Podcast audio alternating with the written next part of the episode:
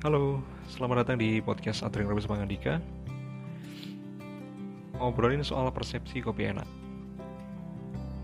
Sepertinya hal kayak gini sering kita temui di dunia perkopian specialty Terutama kita yang profesinya sebagai seorang barista Ya kan? Sering banget yang tanya Mas, kopi enak itu yang kayak gimana sih? Apa yang kayak kopinya para juara? Atau yang paling laris dibeli?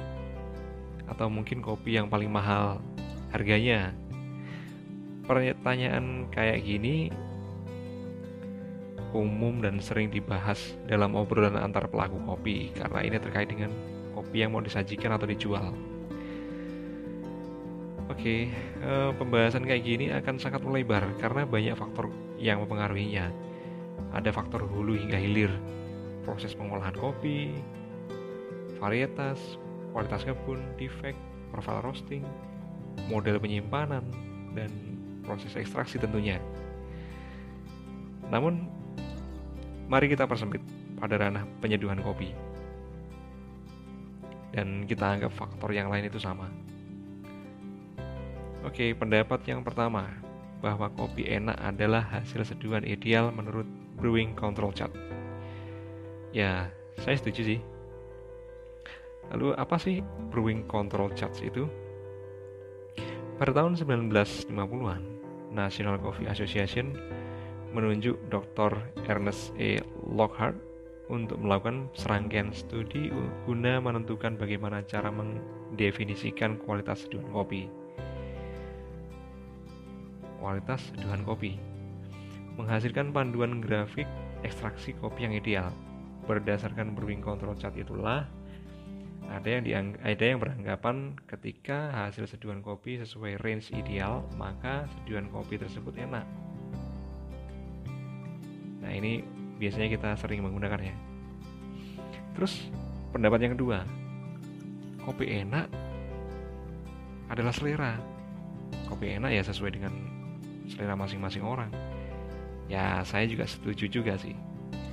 Bener juga, karena pada akhirnya yang kita nikmat yang minum atau nikmati bukan brewing control charts atau teori-teori penyeduhan yang macam-macam itu kan.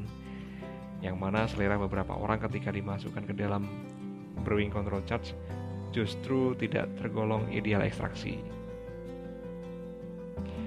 Nah mengenai kesukaan terhadap kopi sebenarnya di dalam buku yang berjudul eh, Espresso Coffee The Science of Quality disebutkan bahwa persepsi kesukaan manusia terhadap kopi itu dipengaruhi oleh makanan dan minuman yang sering dia makan loh.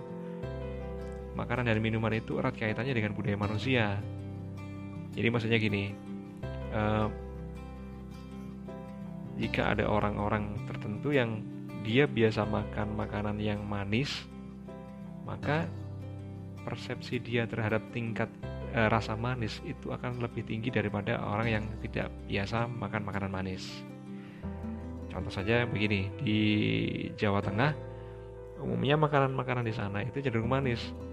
Nah, ketika nanti dibandingkan dengan orang-orang di luar daerah sana dan e, mereka diminta untuk mencicipi kopi atau mak atau minuman yang manis, maka tingkat kesukaan atau tingkat level penerimaan rasa manis itu akan berbeda. Nah, kayak gitu.